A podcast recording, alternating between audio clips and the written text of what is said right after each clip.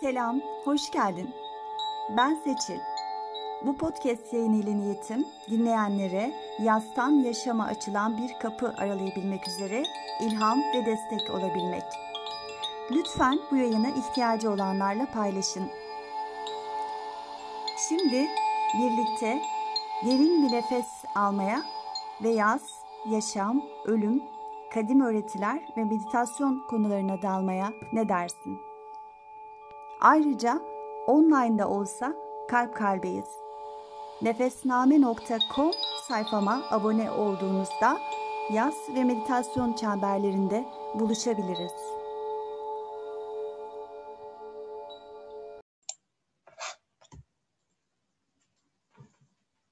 Evet. Selamlar tekrar. Bu aynı kitaptan devam ediyorum. Meditasyon kitabından. E, bu bölümde yine benlikten bahsediyor e, ve Jnana Yoga başlığı altında bahsetmiş.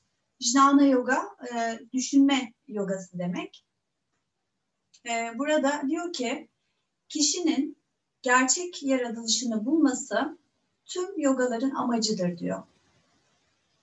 Bilgi ve soğan oyunu olarak adlandırdığımız meditasyon yolundan bu amaca ulaşmak Hintli için bir jnana yoga yani beni tanıma yogası şeklidir. Ee, hani geçen akşam biraz o şeyde bahsetmiştim bu kitapta. Hani o değil bu değil diye eleyerek yani zihnen diyoruz ki hani düşünüyoruz eğer ben bedenim olsam e, bu beden geçici bir şey ve sürekli değişiyor. O yüzden e, bakıyorlar hani zihnen inceliyorlar e, ve öyle bir karara varıyorlar. Öyleyse ben bedenim olamam. E, duygularım da geçici çünkü e, hem geçici hem de şartlanmış oluyor.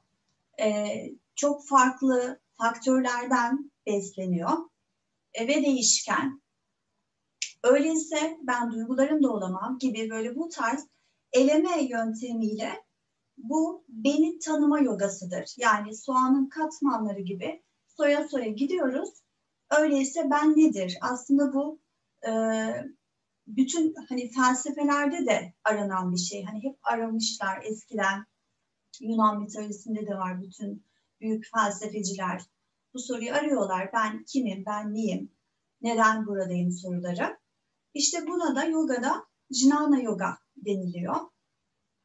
Jnana Yoga e, başka yoga yöntemlerinin dışında kalmaz diyor. E, örneğin Bhakti Yoga, işte buna sevgi yogası, kalp yolu da deniliyor. E, diğer kam davranışlı karma yoga, yani karma yogada da eylemlerine çok dikkat ediyor. O yolu izleyen kişi her eylemine ve sözüne dikkat ediyor. Çünkü bunun bir karma yaratacağını inanıyor ve ona göre davranıyor. E, ve aynı zamanda e, iyi eylemlerde bulunmaya çalışıyor. E, bu da karma yoganın içinde. Ya da diyor bedende hakimiyet sağlayan hatha yoga gibi. Yani hatha yogada hani şu an bildiğimiz bedensel yoga hareketleri yani yoga deyince şu an aklımıza ilk ne geliyorsa e, işte hatha yoga o. E, ve aslında Hatha Yoga, bu saydığım bütün yogalar, Bhakti Yoga, Jnana Yoga bunların hepsi tek bir şey arıyor. E, esas benliğin ne olduğunu. E, ve e, Hatha Yoga bunu bedensel e, yolla yapıyor. Yani fiziksel hareketler aracılığıyla e, bunu yapıyor. Ve kelime anlamı olarak da Hatha, ha güneş, ta ay demek. E, ve e, bu ikisinin birleşiminden e, yani işte bütün e, hani dünyada da aynı şekilde nasıl doğaya baktığımızda güneşle ay var ve onların belirli nitelikleri var, özellikleri var. İşte güneş ısıtır, e, canlılık getirir, ay enerjisi biraz daha soğuktur, daha sezgileri harekete geçirir, biraz daha içe dönüş getirir. E, ve bu doğada olan her şey bizim içimizde olduğuna inanıyorlar e, ve o yüzden Hatha Yoga denmiş buna. Çünkü insanın da E, aynı şekilde Ida, Pingala diye adlandırıyorlar belirli bu şuşumla e, omurga hattına şuşumla kanalı deniliyor ve bu kanalın etrafından geçen Ida ve Pingala'dan bahsediliyor. İşte bunlar da güneş ve ay kanalları deniliyor insanın içinden geçen ve bu özellikleri insan da taşıyor. Yani insan da aynı zamanda sezgisel, e, daha içe dönük olabiliyor. Aynı zamanda daha sıcak, hareketli, dışa açık, e, eyleme yönelik olabiliyor.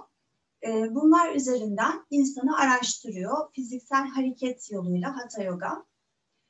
E, fakat diyor Jnana Yoga'nın ayrıcalığı saf varoluşun sezilmesi yolunda tüm engelleri temizlemeye çalışması ve bunu yansıtmasından kaynaklanır diyor. Jnana Yogi'ye saf bilincin ışığını görmesine engel olan mental izlenimler yani zihinsel izlenimler samskara arasından bir yol açması öğretilir diyor.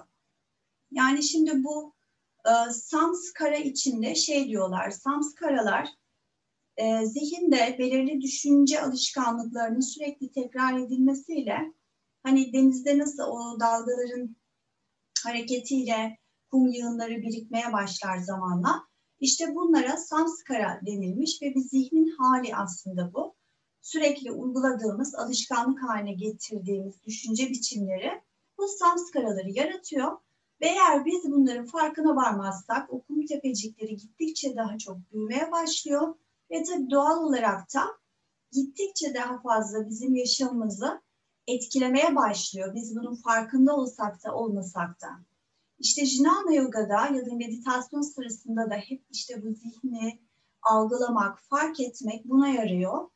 Oluşan samskaraları fark etmeye başlıyoruz zaman içerisinde ya da e, daha iyisi de o samskaralar oluşmaya başlamadan önce e, hani o kadar uyanık bir hal olabiliyor ki onları oluşmadan önce yakalayabilme ihtimali oluyor. İşte o yüzden burada diyor bu saf bilincin ışığını görmeye engel olan sams karaları arasından bir yol açmak öğretiliyor diyor. Çünkü e, yogada saf bilinç şuna benzetiliyor. Pürüzsüz bir su yüzeyine benzetilir. Yani bilincin en e, e, saf bilince vardığı yerde e, hiç e, üzerinde dalgalanma olmayan berrak bir su gibidir. İşte bu samskaralarda e, o, o suyun e, dibindeki e, birikintiler gibi ve o suyu bulandıran e, şeyler gibi düşünülebilir. E, ve zihni saflaştırmak için işte bütün bunları fark etmek gerekiyor. Ve yine hani o Yoga Sutraların birinci maddesine dönersek en temel amaç zaten oydu yogada. E, zihin dalgalarının durdurulması. E, Hintliler diyor, bu Hintliler tarafından çok sevilen Bhagavad Gita diye bir metin var. E, ve dünyada da en çok okunan e, kitaplardan, kadim metinlerden bir tanesi. Bu Bhagavad Gita'nın bir bölümü Jnana Yoga'ya ayrılmıştır diyor sadece. Tıpkı zihnin duygulara e, ve duyguların fizik bedene üstün olduğu gibi zekanın da e, zihne üstün olduğunu açıklar diyor. Burayı biraz hızlı geçeceğim çünkü her birinin üzerinde çok durulabilir ve o zaman e, daha uzun başka bir yerlere gireceğiz. Benim tanınması olan üstün bilinçtir diyor. Klasik yoga sezgisinin bu aşamasını mutluluk bilinci yani sat, çit, ananda olarak adlandırıyorlar. Ee, eğer tırnak içinde diyor ben, beden değilse, ego olmadığına göre demek ki beden hareketlerinden ve ego tarafından yönlendirilen istemli hareketlerden de tamamen bağımsızdır. Gita'nın Jnana Yoga bölümünde yani Bhagavad Gita'dan bahsediyor.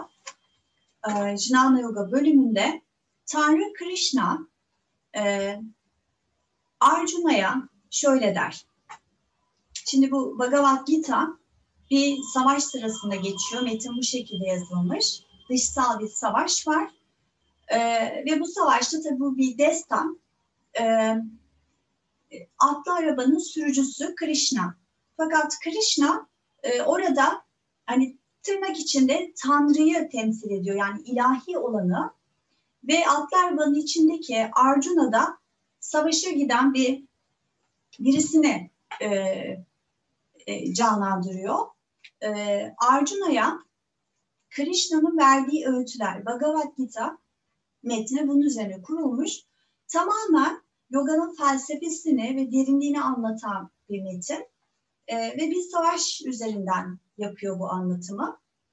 E, şimdi orada diyor ki, e, Krishna Arjuna'ya şöyle diyor. Harekette hareketsizliği gören, hareketsizlikteki hareketi de görür.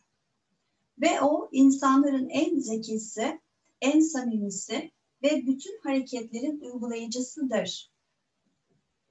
Yine dediğim gibi bu derin cümlelerin üzerinde durmayacağım bu akşam. Genel olarak konuyu bir hmm, birazcık e, kavramamız yeterli olur.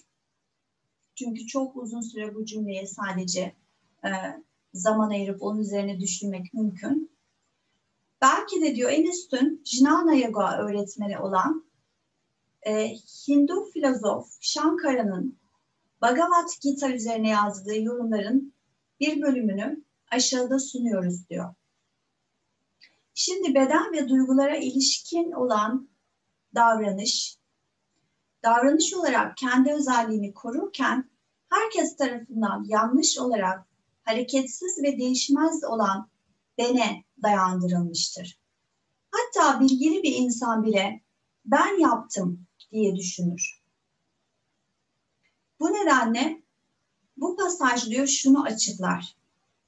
Harekette hareketsizlik gören kimse bene ait olmadığı halde genelde herkes tarafından bene dayandığı varsayılan bu hareket konusunda doğru bilgiye sahiptir. Tıpkı gemide giden bir kişiye nehir kıyısındaki ağaçların ters yönde hareket ediyormuş gibi görünmelerindeki hareketin ağaçlara ait olmaması gibi.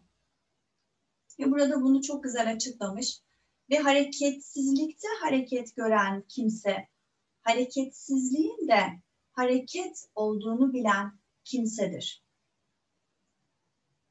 Böyle bakınca evet çok karmaşık görünüyor ama e, aslında bütün Bhagavad Gita'da eylemleri yapanın e, ben dediğimiz şey olmadığını, aslında her şeyin zaten olup bittiğini, e, bizim bu olup bitene sadece dahil olduğumuzu anlatıyor.